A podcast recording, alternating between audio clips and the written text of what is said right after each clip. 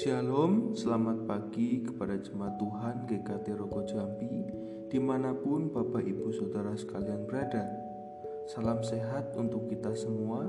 Saya harap Bapak Ibu Saudara sekalian Dilindungi dan diberkati Tuhan selalu. Sebelum kita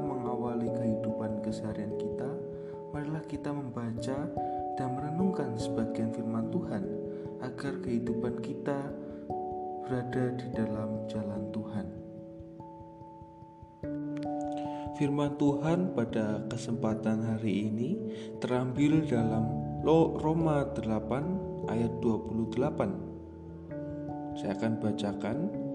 Kita tahu sekarang bahwa Allah turut bekerja dalam segala sesuatu untuk mendatangkan kebaikan bagi mereka yang mengasihi Dia, yaitu bagi mereka yang terpanggil sesuai dengan rencana Allah. Setiap kehidupan memiliki pencobaan-pencobaan terhebatnya masing-masing.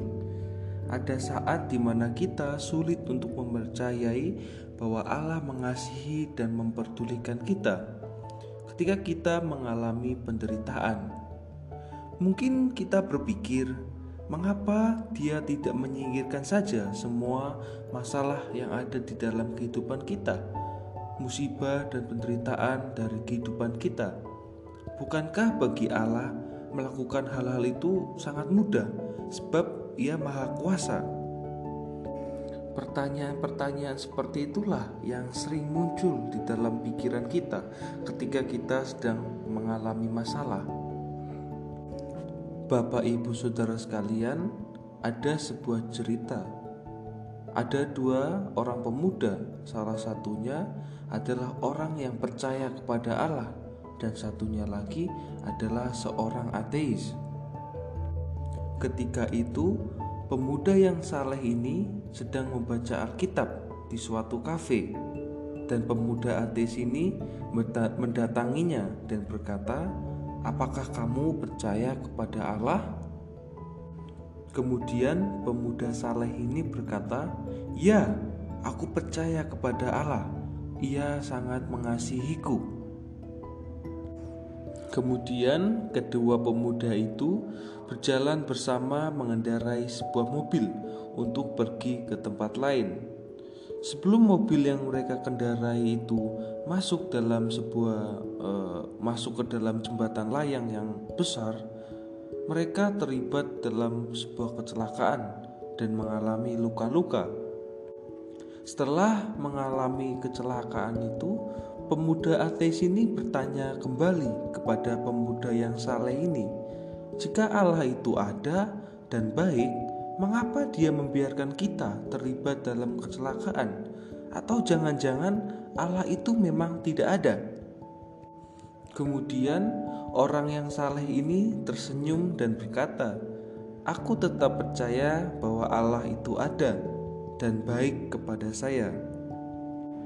Tak lama kemudian, ketika mereka sedang membersihkan luka-luka yang ada di tubuh mereka, tiba-tiba Jembatan besar yang mereka hendak lewati roboh karena pondasinya tidak mampu menahan beban yang besar.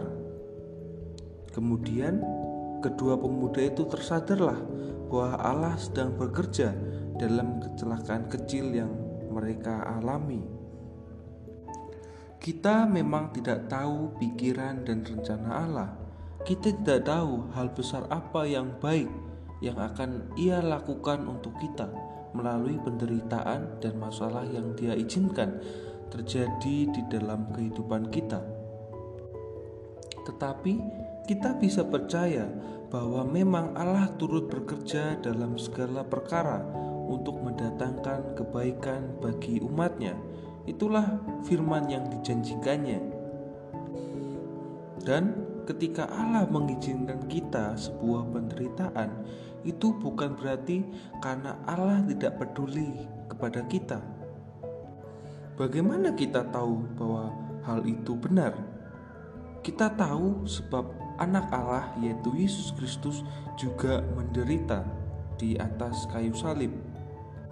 Yesus telah banyak menderita kesakitan dan kengerian kegentaran serta penderitaan lainnya yang tidak terpikirkan, yang jauh lebih buruk daripada penderitaan yang pernah kita alami.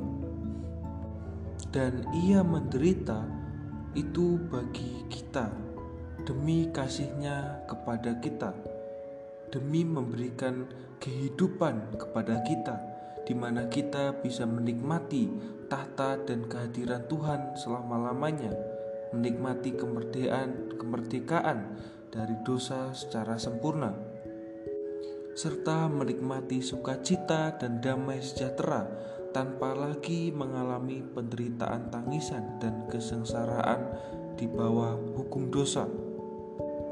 Jika ia tidak mengasihi kita, ia tidak akan mau menderita. Jadi, di dalam masa krisis dan penderitaan pribadi, kita dapat bersandar pada jaminan bahwa apa yang terjadi pada kehidupan kita pastilah hal yang terbaik bagi kita Penderitaan itu telah datang dari tangan juru selamat yang sangat mengasihi kita sehingga ia rela mati bagi kita. Maka dari itu, Bapak Ibu Saudara sekalian, berilah pengharapan kepada jiwa kita, yaitu pengharapan akan kasih dan pemeliharaan daripada Tuhan. Sebab kita tidak tahu masa depan maka izinkanlah Tuhan bekerja dalam kehidupan kita dan memakai kehidupan kita lebih heran lagi. Amin untuk firman Tuhan.